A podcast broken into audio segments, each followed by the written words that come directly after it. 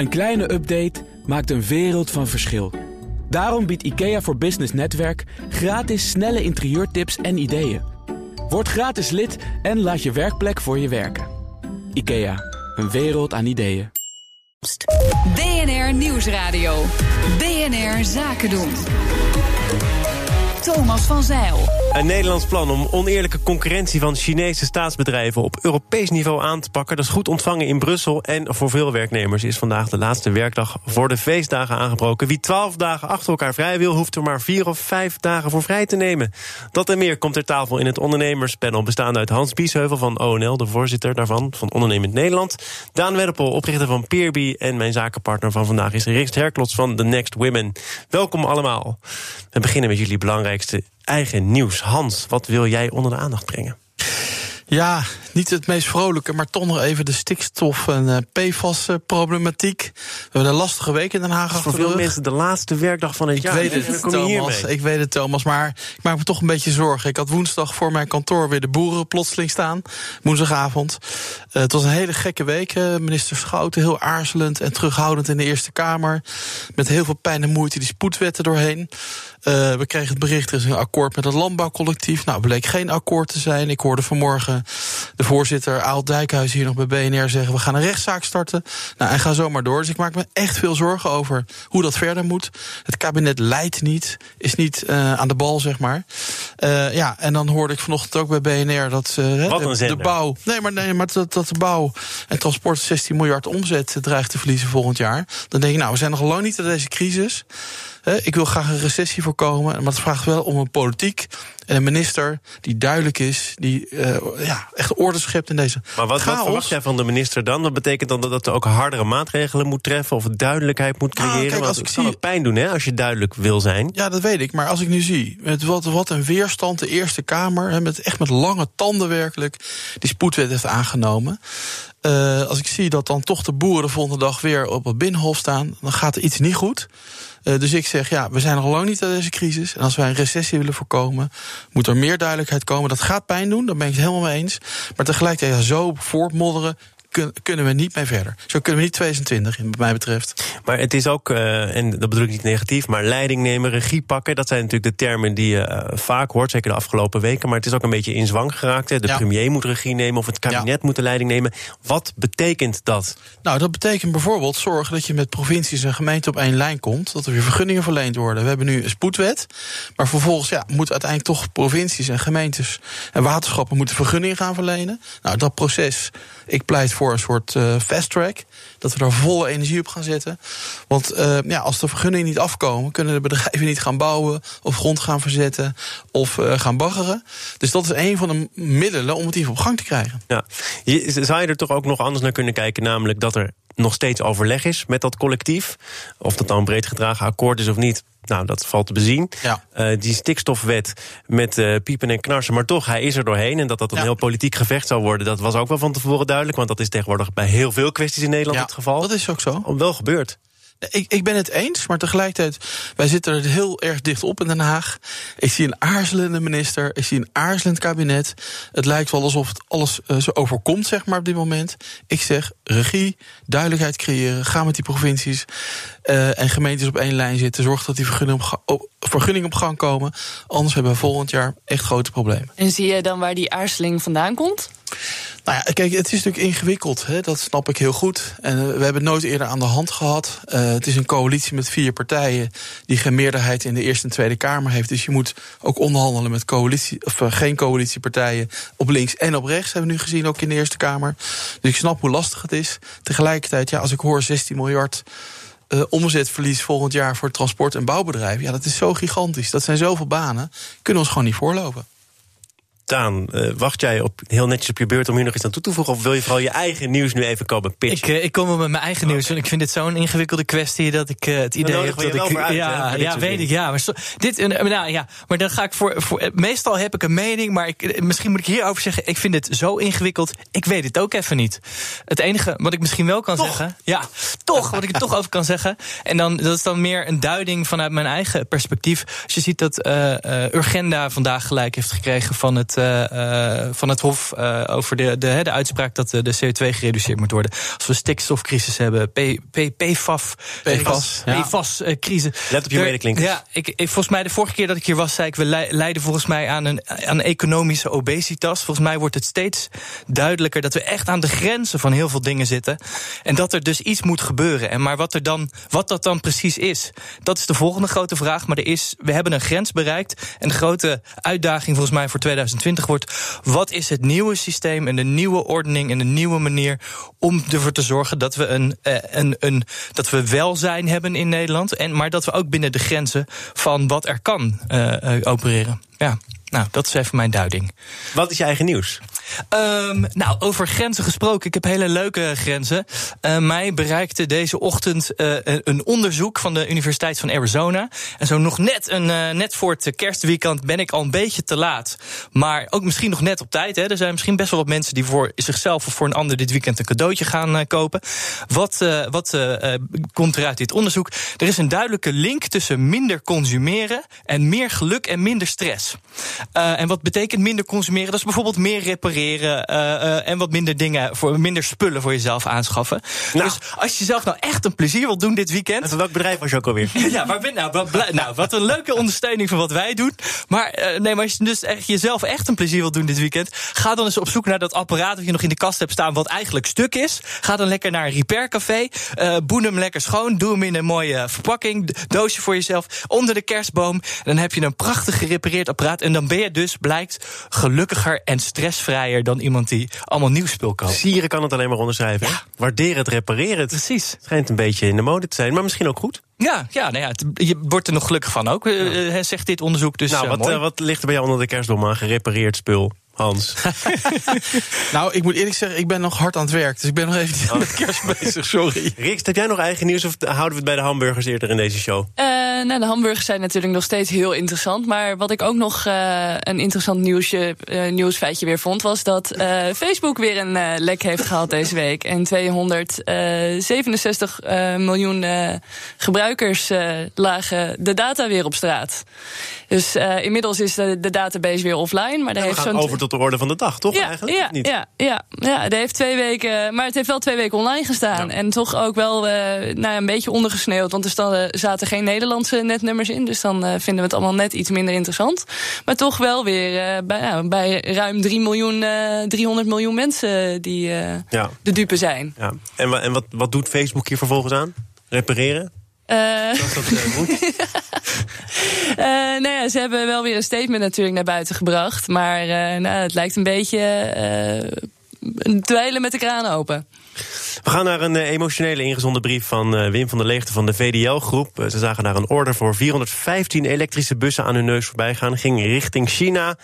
En van der Leegte zegt, ja, de deur staat wagenwijd open voor de import van Chinese producten. En daarmee zetten we in Europa onze eigen welvaart op het spel. Hans, heeft hij een punt?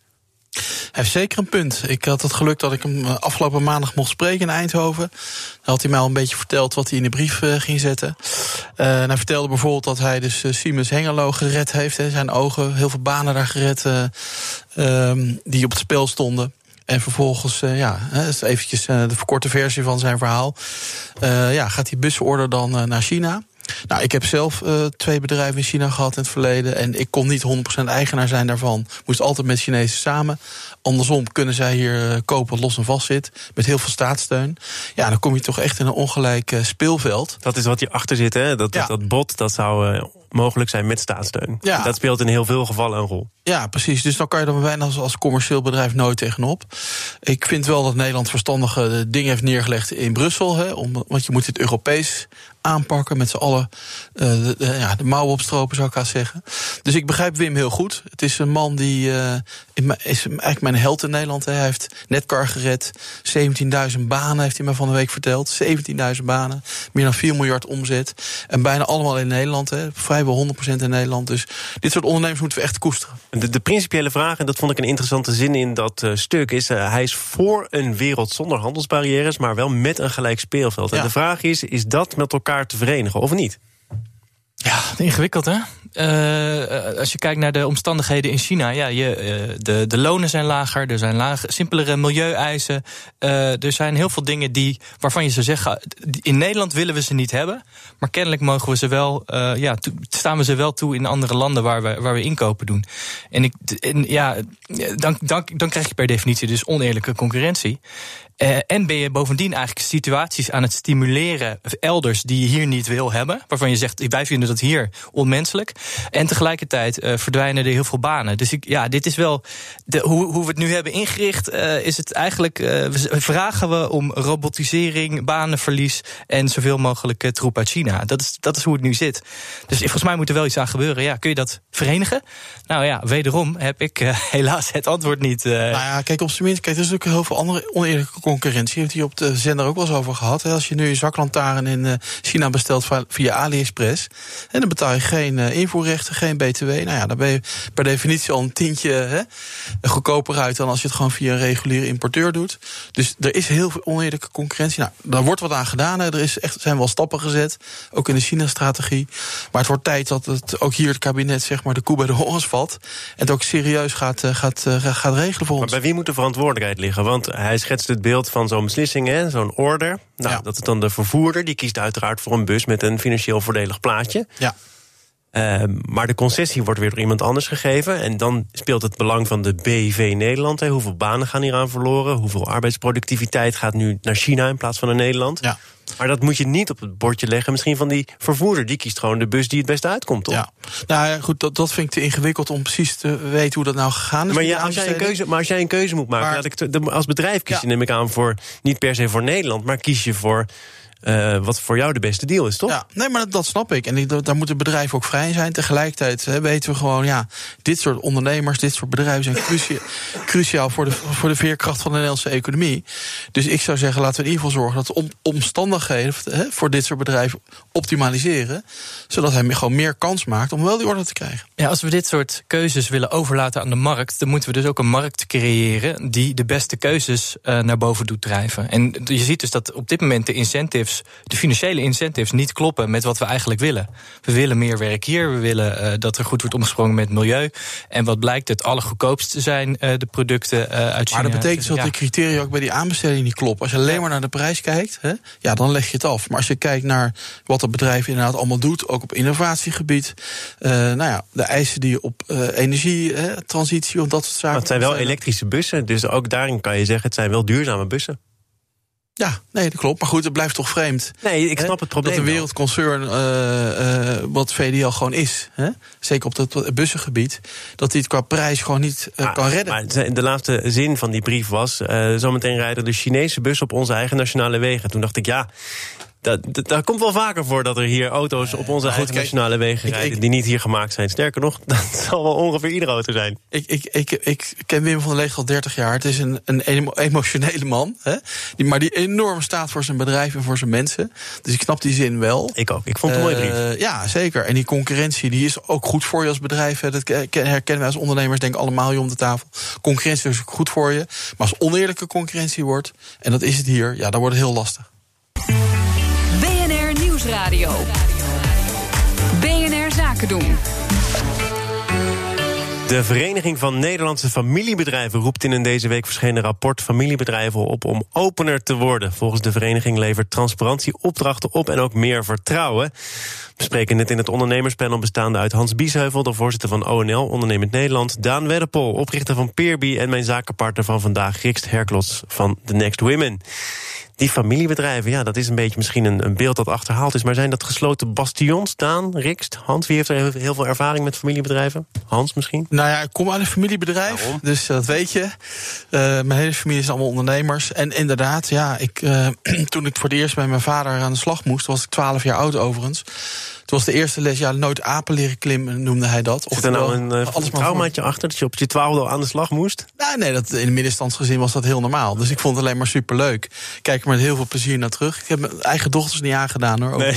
Maar, nee, maar ik, ik, ik, oprecht, mijn vader zei altijd nooit apen leren klimmen. Hou, hou alles maar voor jezelf, hè. Nou, in, met die uh, zeg maar uitgangspunten kan je nu inderdaad niet meer succesvol zijn. Hè. Nu is juist netwerken en samenwerken met anderen is cruciaal voor succes. Dus ik begrijp die oproep uh, heel goed. Ja, ik, ik kwam uh, tegen dat er een, een vorige rapport verschenen is uit 2003. Nou, het is inmiddels bijna 2020. De tijden zijn natuurlijk wel veranderd, maar zijn die familiebedrijven dan wel genoeg mee veranderd? Dat is kennelijk niet gebeurd. Nou ja, het ligt eraan. Ik ken hele goede dynamische familiebedrijven waar dat zeker uh, gebeurd is. Maar ik kan me wel voorstellen dat als de cultuur, uh, als je 100 jaar of 200 jaar bestaat, veel familiebedrijven bestaan heel lang. Het heeft nooit in je genen gezeten. Het lastig is om die omslag te maken. Begrijp ik heel erg goed. Tegelijkertijd, ja, wil je succesvol zijn, zijn er gewoon andere dingen nodig. En ja, daar zullen familiebedrijven, als ze willen voorbestaan, zich echt op moeten aanpassen. Maar ja, ik denk dat wij ook veel zien dat familiebedrijven. Wij, wij maken ieder jaar een top 100 lijst. En de bovenste categorie, dat zijn alleen familiebedrijven. Waar vrouwen dan uh, dus ook in, in de top zitten. En uh, die zitten gewoon heel erg nog in een, uh, met, met de voeten in de modder mentaliteit erin. En er moet gewoon hard gewerkt worden. En inderdaad, wat jij zegt, dat kantelpunt van. Uh, om succesvol te zijn moet je transparant zijn. Terwijl zij al best wel de topposities in de Nederlandse economie al, uh, al hebben. Ja, waarom moet dat dan vanuit een intrinsieke punt uh, ook gebeuren? Maar misschien hoeft het dus ook niet als je het gewoon goed doet. En je wordt ervoor beloond. En het, het lijkt allemaal ook de komende jaren wel goed te komen. Dan heb je toch niet heel veel incentive inderdaad om het te veranderen. Nou, maar ik denk dat het ook te maken heeft met het aantrekken van personeel. Hè. Kijk, een van de dingen is natuurlijk een uitdaging om de goede mensen te vinden tegenwoordig. Ieder bedrijf, iedere functie. En ik denk eh, dat ook familiebedrijven bedrijven daar heel erg mee worstelen. Uh, zeker omdat je weet in familiebedrijven ja, is altijd toch een plafond. Hè? Je komt niet zo makkelijk echt aan de top. Dus wil je mensen aantrekken, ja, moet je ook transparant zijn over je doelen. Uh, waar je allemaal maatschappelijk aan verbonden bent. Hè? Allemaal thema's die we allemaal herkennen. Dus ik denk dat dat ook daarachter zit, zeg maar. Want ik weet, in heel veel familiebedrijven is op dit moment, net als in alle andere ondernemingen, een heel groot probleem om goede mensen te vinden. En waar houdt dat op? Want je hoeft natuurlijk niet uh, de les van je vader in het achterhoofd houdende uh, mensen uh, wijzer te maken dan ze zijn. Dus nee, dat, maar, dat, is heel erg nee maar ik, bedoel, ik denk niet dat ze pleiten om concurrentiegevoelige informatie op straat te smijten. Maar wat ik al zei, je, je hebt als onderneming tegenwoordig meer belangen, meer stakeholders dan alleen je winst- en verliesrekening en je aandeelhouders. En ik denk dat het daar vooral over gaat. Ja, en de nieuwe workforce is natuurlijk ook veel meer op zoek naar niet alleen een goed salaris en een, en een auto van de zaak en dat soort dingen. Maar die willen impact maken en die willen ja. weten wat ze inderdaad toevoegen in een bedrijf. Dus voor je het weet werken ze allemaal bij Peerby en niet bij je familiebedrijf. Nou ja, als, als, ik denk als je heel ontransparant blijft en uh, niet gaat nadenken ook over, naast zijn we winstgevend naar wat is mijn rol in de samenleving, dat je wel steeds moeilijker millennials gaat aantrekken. Dat, dat mensen zijn die, die willen weten wat er aan de hand is en waar ze het voor doen. Dat ze geen bullshit job hebben, maar dat ze echt bijdragen. Maar als je bij een bijvoorbeeld al jaren oud familiebedrijf gaat werken met een eeuwenoude geschiedenis vaak, dan is dat toch per definitie niet echt een bullshit job, of wel? Ja, dat, ik wil ook niet claimen dat, dat je bij familiebedrijven een bullshit job, hebt. Maar als, je, als er geen transparantie is over wat, je, uh, wat er bereikt wordt binnen het bedrijf en wat je met elkaar doet, uh, dan weet je dat dus niet. Dan weet je niet wat je impact is. En ik denk dat dat uh, belangrijk is. Dat er mensen willen steeds meer weten gewoon wat er aan de, aan de hand is en waar ze, waar ze zich nou precies aan verbinden. We gaan nog even naar een van de lievelingsonderwerpen van Hans. Want anders blijft hij zo somber over stikstof praten. Dat kan allemaal nog erger hoor. Want de WW-premies ben, ben je goed voor mij vandaag. Volgend jaar omlaag voor werknemers met een vast contract. En de Belastingdienst eist een door de werknemer getekend contract. En dat blijkt enorm lastig. Er is al drie maanden uitstel verleend. Maar dat is niet genoeg, Hans. Dit gaat eigenlijk allemaal over die uh, ja, kloof tussen vast en flex. En of dat met de WW-premies kan worden verkleind. En of dat uh, nou ja, politiek haalbaar is of niet. Maar goed, het moet nu wel gebeuren. En dat leidt vooral tot rondslomp. Moet ik het zo uh, maar samenvatten? Ja, kijk, die wet arbeidsmarkt en balans, het effect daarvan moeten we allemaal nog maar afwachten of dat inderdaad meer vaste banen oplevert. Maar dat gaan we dan eh, binnenkort wel zien. Maar één is dat vast. Het levert heel veel administratieve lasten op voor werkgevers. Uh, vooral voor kleine werkgevers. Uh, die klagen echt steen en been op dit moment. Dus ik, ik vrees een lastig eerste kwartaal voor heel veel ondernemers en heel veel bedrijven. Want maar de meeste mensen krijgen gewoon bijvoorbeeld stilzwijgend een vast contract. Ja. En sommigen, las ik ook, die maken er een principe kwestie van. Ik ga niet nog een keer tekenen over iets wat eigenlijk al lang en breed aan de orde is. Precies, ja. Nee, maar het, het levert ook veel spanning op. En dat vind ik het vervelende hier ook van. Je komt weer een beetje tegenover elkaar te staan, als het ware. In plaats dat je met elkaar samen uh, aan de slag gaat. Maar waarom kom je tegenover elkaar te staan? Je hebt toch min of meer een gedeeld belang. Waarom zou je je werkgever in een lastig pakket brengen door niet te tekenen? Nee, maar goed, kijk, weet je, de wet arbeidsmarkt en balans is heeft een doel, namelijk meer vaste banen. Ik, ik, durf er trouwens wel nog een antwoord op te geven wat je, wat je hier zegt. Uh, ik denk uh, dat je als je uit zou gaan van 100% begrip van de wet en de toepassing daarvan bij zowel de werknemer als de werkgever, ja, dan is het allemaal geen probleem. Maar vaak weet je het eigenlijk niet precies. Nee, denk je, zitten, zitten we nou in een grijs gebied? Heb ik het nou eigenlijk wel goed afgesproken? Is dit contract nou eigenlijk wel helemaal goed opgesteld? En daar, daar gaan de dingen uh, dan wringen. Niet omdat je. Hè, waarschijnlijk is het zelfs nog wel goed opgesteld. Maar ja, dan moet je er of een advocaat bij gaan halen om te checken dat het echt helemaal goed is. Uh, uh, of, of je blijft in een soort onzekerheid met elkaar zitten. Van ja, kan ik hem nou inderdaad gewoon uh, dwingen om te tekenen, want het zit gewoon goed. Of heb ik hier toch iets niet goed gedaan? Dus daar, daar ja, zit de onzekerheid. Daar kost. Ja, maar je sluit de spijker op ja. kop. Ik wou dat ook net naar voren brengen. Dat die onzekerheid is op dit moment troef. Hè? Dat zie je ook, zag je ook bij de wet werk en zekerheid. Toen werd ingevoerd, dat zie je nu ook weer. En die onzekerheid, ja, dat leidt toch tot spanning tussen werkgever en werknemer. We krijgen daar iedere dag nu mails over binnen. Is gewoon een gemiste kans. Maar dat betekent bijna dat je nooit meer een nieuwe wet kunt invoeren, want dat leidt tot verandering en dus tot onzekerheid. Ja, maar dit is een wet waar eigenlijk niemand om gevraagd heeft. Hè? Dat begint het al mee. Ik bedoel, er is heel veel weerstand, zowel bij vakbonden als bij werkgevers. Niemand is er gelukkig mee. Dit is zonder draagvlak doorgevoerd. Ja, dan krijg je dit. Ik dacht dat ik hem op zou vrolijken met dit onderwerp. Maar ik heb toch het idee dat het niet helemaal lukt. Ja. Nog heel eventjes afsluitend. Want het is uh, bijna kerst. Schijnt zo te zijn. Ja, wij gaan gewoon door, joh. Maar uh, als je vier of vijf dagen vrij neemt. Dan, uh, nou, dan heb je, als je het goed uitrekent, twaalf dagen achter elkaar vrij. Dan kun je gewoon nu uitchecken. En dan kom je in 2020 een keer terug. Zijn er nog mensen dat van plan hier in deze studio? Ik, ik heb wel uh, mijn team net uh, in ieder geval die dag tussen kerst en uh, oud en nieuw maar gewoon vrijgegeven. Ik dacht, ja, om die nou vast te gaan houden en te zeggen, jongens, we gaan die dag gaan we gewoon nog werken. Dat, dat heb ik niet gedaan. We hebben keihard gewerkt dit jaar, dus we hebben het wel een beetje verdiend. Zijn er ook jaren dat je dacht, nou, dit jaar viel het wel een beetje mee met hoeveel we nou gewerkt hebben? Gewoon um, werken tussen kerst en oud en nieuw. Nou, er waren, zijn wel jaren geweest dat ik dacht, ja, we kunnen nu niet de aandacht laten verslappen. We moeten gewoon kei en keihard door, want anders dan redden we het niet dit jaar denk ik, nou, we hebben heel veel dingen heel goed al uh, geregeld voor de, voor de kerst. Dus we kunnen een beetje ontspannen. Dus het, is, het varieert per jaar. Ja, ik, wij hebben toevallig geluk. Ik kan me ook voorstellen dat er ondernemers zijn die nu echt zitten te balen en denken: ja, mijn hele kerst valt in het water. ja. Hans, ik vind jou niet echt iemand die uh, een tandje terug gaat doen. Nee, je hebt gelijk. Nou, ik ga maandag nog uh, eventjes naar kantoor toe. Dan gaan we even wat dingen afwerken. Want deze week was het echt ontzettend druk. Maar dan neem ik even twee weken vrij. Twee weken? Thomas. Ja, echt. Ja, ongelooflijk hè. En dan staat je telefoon ook uit, of niet? Ja, dat ziet er aardig uit hoor. Ja, maar aardig mijn, uit. Ja, en mijn Mm. collega's bij ONL zijn over het algemeen ook allemaal vrij. We hebben wel iedere dag iemand op kantoor om even de, op te letten of er niks gebeurt. Zeg dat maar, maar de rest van het team wel op, hè? Van, oh, er gebeurt niks in Nederland. Ja, hoe zou dat nou komen? Omdat we allemaal niks doen. Nee. Dat, Nee. dat houden we wel zo in stand. Dat is misschien ook goed, hoor. Maar, Ja, maar dit jaar valt de kerst ook wel echt midden in de week. Hè? En oud en nieuw ook. Dus het is ook ja, wel maar een- als het in het weekend valt, dan baalt ook de rest van Nederland, toch? Dat zijn toch twee vrije dagen die je dan. eh, Ja, maar het is ook, het is niet ook even goed voor mensen om even uit te rusten, even de hoofd leeg te maken. Ik denk dat daarna heel veel mensen weer nieuwe energie hebben, joh.